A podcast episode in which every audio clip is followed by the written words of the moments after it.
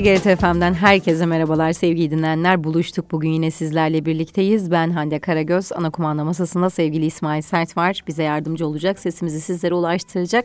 Günlerden cuma, her cuma olduğu gibi ilk bölümde sigorta konuşacağız sevgili dinleyenler. Sigorta brokerı Selim İsmet bizlerle birlikte hoş geldiniz. Hoş bulduk Hande Hanım. Nasılsınız? Teşekkür ediyorum. Sizler nasılsınız? Bizdeyiz, teşekkür ediyoruz. Ramazan'ı artık yavaş yavaş geride bırakıyoruz. Bayrama doğru yaklaşıyoruz. Dinleyicilerimize evet. neler anlatacağız bugün? Bugün anlatacağımız e, başlığımız e, açıkçası bayram, tatille ilgili değil. E, ben Ancak... öyle hissettim ama değilmiş demek ki. Deprem uzantılı, Uzantılı. bağlantılı Uzantılı. bir konu. Başlığımızın adı sigortalamada bina yaşı faktörü. Faktör. Şimdi ee, önceden tabii böyle bir başlığımız olmazdı. Ancak yaşanan son gelişmeler farklı durumları karşımıza çıkarmaya devam ediyor diyebilirim.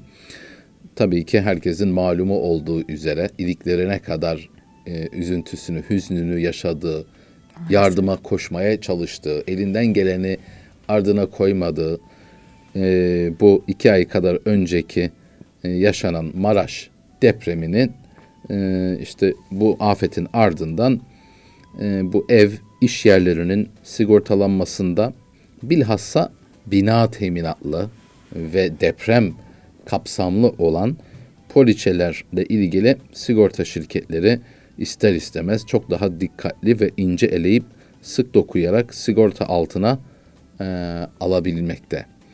Tabii ki bundan önce de herhangi bir evi, iş yeri, fabrikayı, e, sigortalamak istediğiniz zaman onunla ilgili o rizikoyla ilgili muhtelif bilgiler sonrasında yani onu tanımlayan, hususiyetini belirten e, bilgiler elbette ki alınıyordu, resmediliyordu.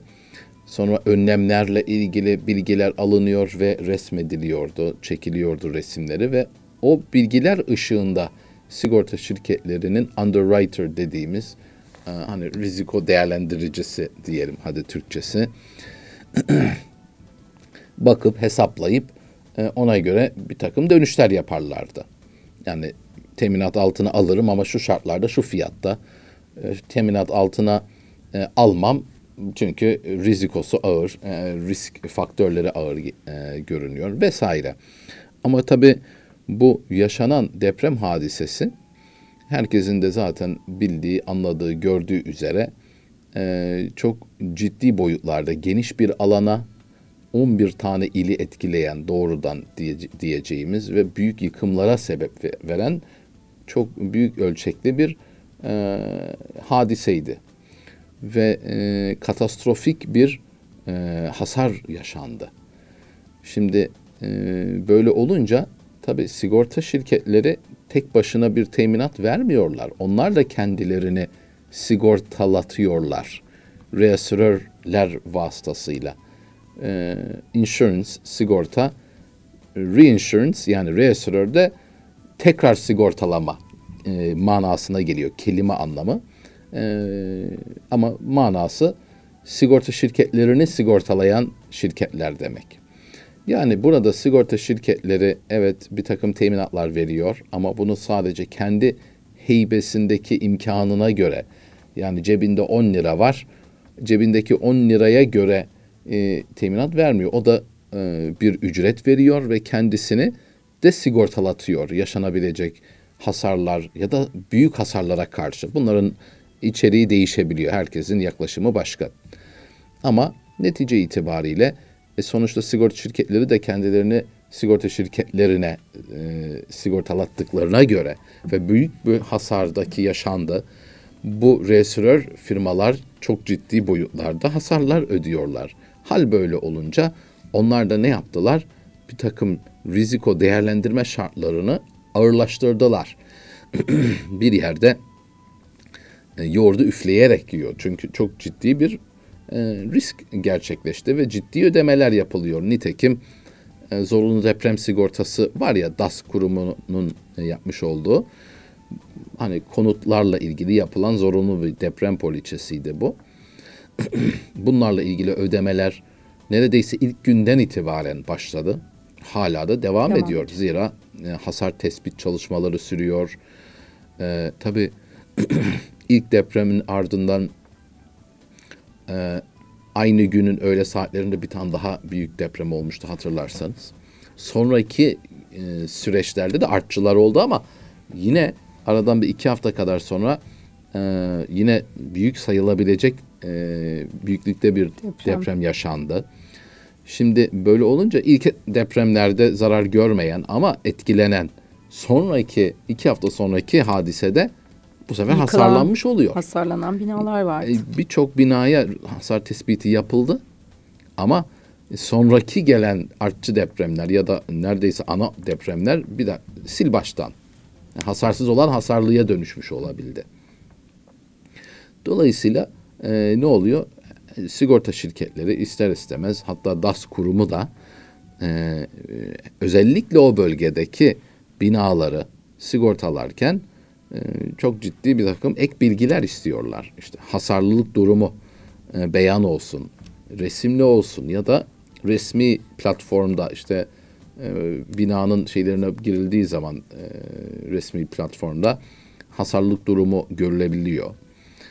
Bunların hepsine bakarak hareket ediyor. Tabii ki bir yer sigortası yok. Ancak depremden sonra yapmış.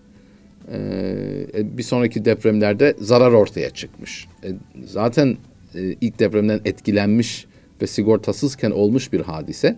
Dolayısıyla böylesi gri alanlara düşmemek için bir süre zaten yeni yenileme yapılabildi ama yeni poliçe deprem teminatlı yapılamamıştı. Şimdi yapılabiliyor ama dediğim gibi bir takım bilgiler, detaylı bilgiler e, bilhassa binalar için bunlar alınmaya başlandı. Mesela en son e, geçtiğimiz hafta yayınlanan bir sürküler oldu. E, artık herhangi bir bina sigortalanacaksa, deprem teminatı varsa muhakkak ki o binanın yaşının girilmesi gerekiyor. Kaç yaşında olduğu ya da yapım yılı belki girilecektir. 1 ee, Nisan'da bu yürürlüğe girdi ama e, akabinde tekrar bir duyuru geldi ki ötelendi Ekim ayına ama sonuç itibariyle bina yaşı faktörü e, artık sigortalamalarda e, o veri bilgi alınıp da işlenmeden onunla ilgili teklif çıkmayacak. Peki bu neden acaba bu şekilde oldu ve ne kadar et, önemli olabilir ki binanın yaşı diye de e, düşünülürse eğer aslında rizikoyu doğrudan etkileyen unsurların başında geldiğini söyleyebilirim. Örnek verecek olursak mesela 1995 yılında yapılmış bir bina ile 2005 ya da işte 2015 yılında yapılan bir binanın elbette ki riski bir değil. Nasıl bir değil? Bir zaten yaşlılanma, yıpranma, aşınma bunlar zaten e, anlaşılabilir, bilinecek hususlar ama belki daha da önemlisi 1995'te yapılan bir binanın tabi olduğu e, mevzuat, ondan sonra e, yapı ile ilgili uygulanması gereken yapı yönetmeliği farklıydı. Sonra 99 depremi yaşanınca başka bir yapı yönetmeliği, yeni bir yapı yönetmeliği e, çıkarıldı. Sonraki süreçlerde yine bunlar revize edildi.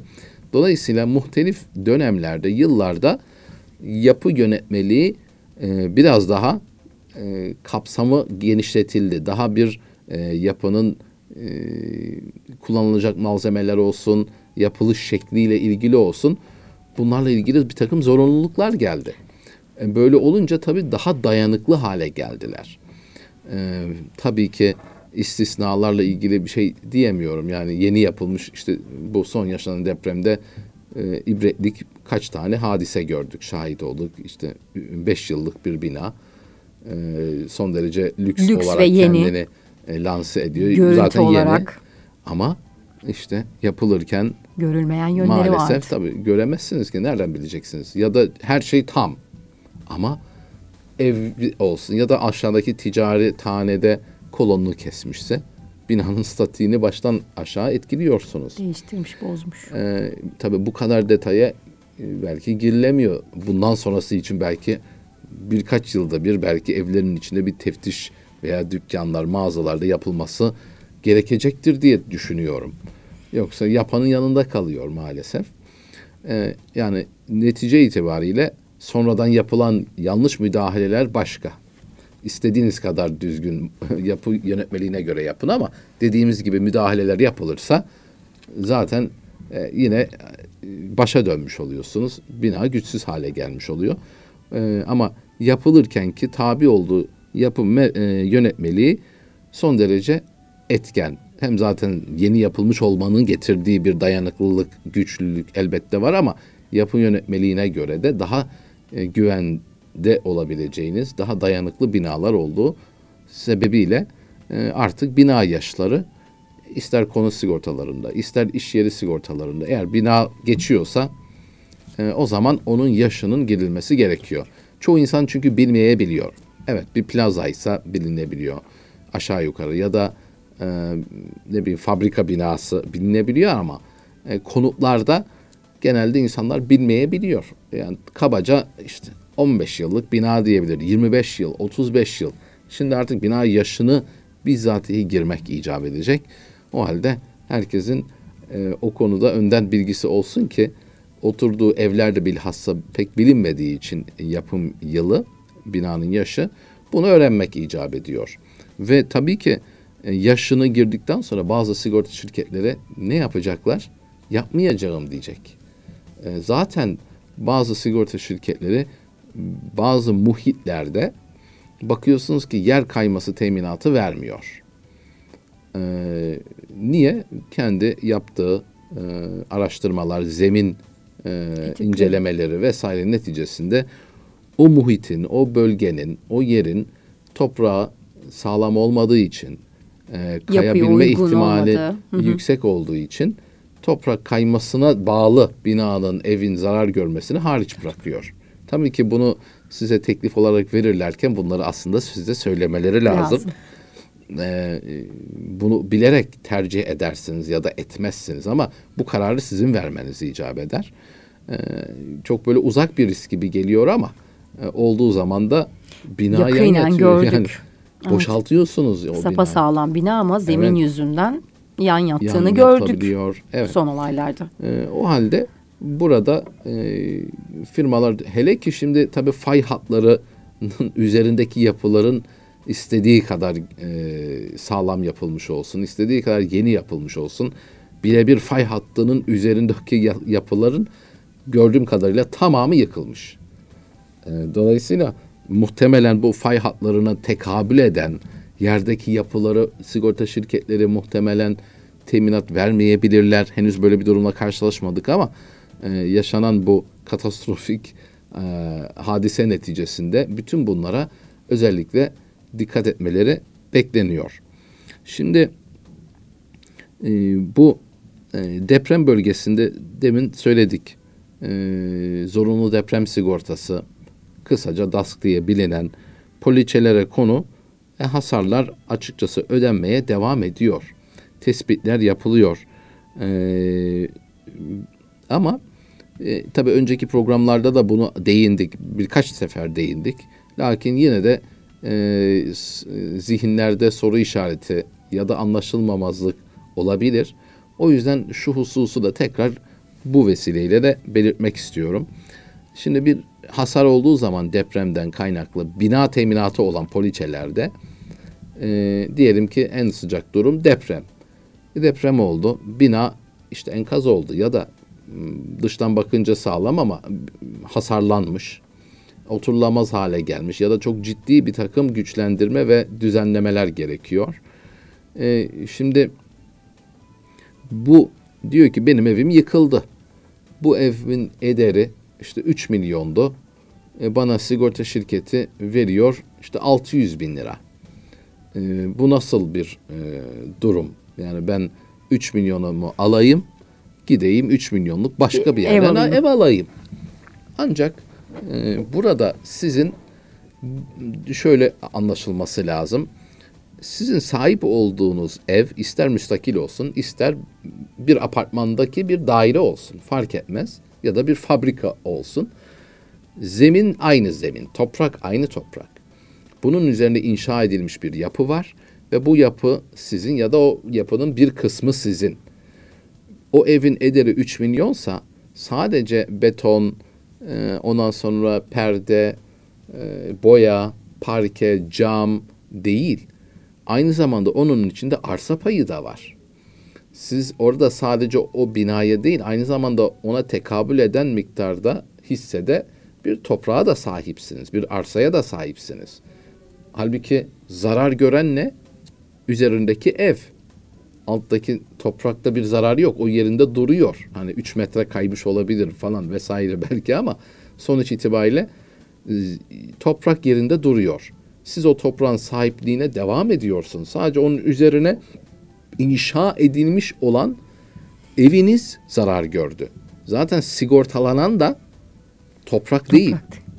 O üzerinde inşa edilmiş Binanız, olan tabii, eviniz. eviniz. Size düşen pay ne kadarsa apartmansa binada 50 tane daire vardır Bir ama tanesi. sizin ne kadar? 120 metrekare. 120 metrekarelik inşaat sizin riskiniz. Çünkü zarar gören üzerindeki yapılmış yapınız zaten. O halde sigortalanırken de ölçü sizin oranın rayici değil, zarar görmüş olan yerin zararının karşılanması esasıdır. Ve nitekim de zarar gören evin kendisi. Ee, o bakımdan sigortalarda e, hiçbir zaman bina teminatı üzerinde e, evin ya da iş yerinin rayici üzerinden sigortalamak mümkün değil. Teknik olarak yapmak mümkün. Yani e, normalde sistemler pek izin vermez buna ama velev ki siz poliçenizde, konut poliçenizde e, bina bedeli 3 milyon TL yazıyor. Halbuki onun inşa maliyeti, ne demek inşa maliyeti? O binanın yapı tarzı vardır. Bunlar e, resmi olarak Şehircilik Bakanlığı tarafından e, ilan ediliyor her sene. Hatta geçen sene üç kez yayınlandı, güncellendi. Yapı tarzına göre metrekare maliyetleri e, kaç metrekareymiş eviniz? 120. Metrekare maliyeti e, 5000 lira çıkıyorsa 5000 çarpı 120 ne yapıyor? İşte 600 bin lira diyelim. Demek ki yapı maliyeti 600 bin lira imiş. O halde yani biraz da çıplak bina gibi düşünün. Çünkü üzerinde siz bir takım ayrıcana dekorasyonlar yapıyorsunuz. Konut poliçenizde yapılan bu dekorasyonlar ayrıcana ilave edilebilir maliyet esasına göre. Yani mal edişinize göre eklemek mümkün. Ki e- edilmeli de zaten. Ama e, baz alınan metrekare maliyeti resmi olarak yapı tarzı hangisiymiş? Örnek veriyorum 3A yapı tarzı. Onun metrekare maliyeti örnek veriyorum 5000. Ne kadar olduğu hatırımda değil. Çünkü 8, 9, 10 tane böyle şey var. 5000 çarpı 120. 20, 600 bin ise o zaman sizin yapı maliyeti çıplak yapı gibi düşünün. Ya da asgari düzeyde işte banyosu var. Böyle şaşalı değil de banyo denecek kadar içinde demirbaşı var diyelim. Kaba inşaatta değil de böyle biraz Yani daha yaşanabilir, hale yaşanabilir gelmiş halde. asgari düzeyde. Öyle anlaşılması e, doğru olur. Bunun maliyeti üzerinden hesap edilmesi lazım. E, Dolayısıyla burada e, velev ki dediğimiz gibi 3 milyon dahi olsa ancak metrekare yapı maliyetine göre 600 bin lira çıkıyorsa bir deprem hasarı cereyan ettiğini düşünürsek eğer size ödeyeceği 600 bin TL'dir. Detaya girmiyorum. İşte koasüransı, muafiyetini geçiyorum. Örnek olarak anlaşılsın diye e, bu şekilde söylüyorum. Size vereceği 600 bin ama poliçemde bina bedeli 3 milyon yazıyor. Aşkın sigorta diyoruz biz ona. Yani siz boşuna aslında fazladan, Fazladan prim ödemişsiniz demektir. Size bir faydası olmayacaktır. Bu aslında poliçelerde e, tatbik her açıdan düşünülebilir. Yani demek istediğim e, her poliçedeki başlıkla ilgili teminat başlığında e, hepsinin bir ölçüsü var. Mesela emtia teminatı yani e, sizin ticari mallarınız, ürünleriniz e, bunun bir ölçüsü var. Siz ben bunu işte 1 milyona mal ediyorum, 2 milyona satıyorum. Emtia bedelinizi poliçenizde, iş yeri poliçenizde 2 milyon yazdınız. E, hasar oldu. Ondan sonra işte deprem, yangın, bir hasar gerçekleşti. Oh be yani karıyla birlikte 2 milyona satıyordum toplamda. 2 milyon o hiç müşteriyle de uğraşmadım. Sigorta şirketinden yani müşterim sigorta şirketi oldu gibi düşünülebilir. Halbuki neydi? Zararın karşılanması. Zararınız nedir sizin? O ürünün ham maddesi, ondan sonra ona arada bir katma değer yaptınız. Yani işçilik var, elektrik var, su var. Ondan sonra e, ara mamuller katıldı ve nihai bir ürün ortaya çıktı. Ne kadar e, mal ettiniz işçilik e, maliyetleri eklediğiniz zaman? 1 milyon. 1 milyona mal ettiniz, 2 milyona satıyordunuz. Burada sigortalanması gereken diğer 2 milyon değil, 1 milyon TL'dir. E, velev ki 2 milyon yaptınız, hasar gerçekleşti. E, baktı, etti, eksper işte envanter giriş çıkış kayıtlarına baktı vesaire ve tespit etti ki bunun maliyeti 1 e, milyona tekabül ediyor. Size ödeyeceği rakam 1 milyon TL olacaktır. Ama ben 2 milyondan yapmıştım. Yaptığınız ama fuzuli. Aşkın. Aşkın sigorta olmuş oldu. Bir de bunun tersi var eksik sigorta. Bunları defaatle Zaten çok fazla konuşmuştuk. konuştuk. ee, ama e, fazla yapmanın yani her başlığın bir ölçüsü var. Makinalarınız var. Ondan sonra bu makinaları 10 e, yaşında, 10 yıl önce kurmuştunuz tekstil firmanızı diyelim. Makinalarınız 10 yaşında. Ondan sonra hep bunları sigortalarken de işte yangın, deprem, sel, su, hırsızlık falan hadisesi olursa işte örnekleri gördüğünüz Maraş'ta çöktü, işletmeler e, her şey zayi oldu. E, ben de bunları işte bir şey olursa yenisini almam lazım. Dolayısıyla bunların e, sıfırını alacak olsanız e, işte 10 milyon TL'ye alabiliyorsunuz. Halbuki o haliyle alacak ya da satacak olsanız 5 milyon ediyor raice. E ben bir şey olursa, yıkılırsa burası depremden, yangın olursa ya da sel gelir de zarar verirse e ben sıfır isterim deyip siz e, 10 milyon üzerinden yaparsanız e, böyle bir hadise gerçekleşti diyelim. Yani deprem hadisesi oldu. Rayicini baz alacak ve size 5 milyon TL ödeyecek. Çünkü zararınız o kadar. O gün o makinaların e, bir gün önce diyelim normal şartlarda alacak ya da satacak olsaydınız rayici neydi? 5 milyonsa siz ödeyeceği 5 milyondur. Boşuna 10 milyon ha e, şimdi bilenler belki diyebilir ki ha sıfır bedeli elektronik cihaz ya da makine kırılmasında sıfır bedeli üzerinden yapılması lazım diye düşünebilirler ama onu konuşmuyoruz. Kırılma, bozulmayı konuşmuyoruz çünkü. Ee, normal poliçedeki makine raiç bedelini konuşuyoruz. Ee, ve yangın, deprem, sensör, hırsızlık riskleriyle ilgili uygulanan süreci bahsediyorum. Demek ki her başlıkla ilgili doğru ölçü lazım. Ya bir şey olursa e, şu kadar ödeme almak isterim. Ölçü bu değil. İsteyebiliriz. Ben de çok şeyler istiyorum. Ama istemek yetmiyor. E, çünkü sistemi var. Zararınızı karşılamak üzere. Olduğu için e, sebepsiz e, zenginliğe müsaade, müsaade etmez. etmez. Bu makine örneğinde en son söylediğim. Aslında bir sıfırını sigortayı... verse sebepsiz zenginlik ederi o kadar değildi. Değil. Buna asla müsaade etmez. Sigortayı biz şöyle düşünüyoruz. Yani risklerimizi sıfırlasın. Biz ne kaybettiysek yerine yenisini koysun diye düşünüyoruz. Evet. Aslında ama sigortanın amacı tabii ki risklerimizi minimuma indirmek. İndirmek. Evet. Ve zararınızı, zararınızı karşılamak. karşılamak. Onu da iyi anlamak gerekiyor. Evet. İşte en başta anlattım ya. E, ev zarar gördü. gördü. Tamam ama üzerindeki yapı zarar evet. gördü zaten. Sigortalanan da o. Toprağın duruyor. Onun için 3 milyon olamaz zaten. Anlatabiliyor muyum? Bunları belki bilmekte büyük fayda, fayda var. var. Ee, inşallah tabii e, tekrar böyle afetlerle, felaketlerle e, karşılaşmayız. günlerde tekrar Ama, dua e, edelim. E, hayatında e, içinde bu var maalesef. E, tabii ki ne kadar önlem alınabilirse iyi ama bütün bunlara rağmen eğer e, sonucunda bir takım zararlara uğrayabileceksek o zaman bu risklere karşı da teminat almak, yapmak aslında basiretli bir insanın, basiretli bir iş adamının eğer işletme ise söz konusu yapması gereken önlemler olduğunu söyleyebilirim ve e, kolaylıklar diliyorum. Çok teşekkür ederiz. Ben teşekkür ediyorum. Sigorta brokeri Selim İsmet bizlerle birlikteydi sevgili dinleyenler. Kısa bir ara vereceğiz. Sonrasında buradayız.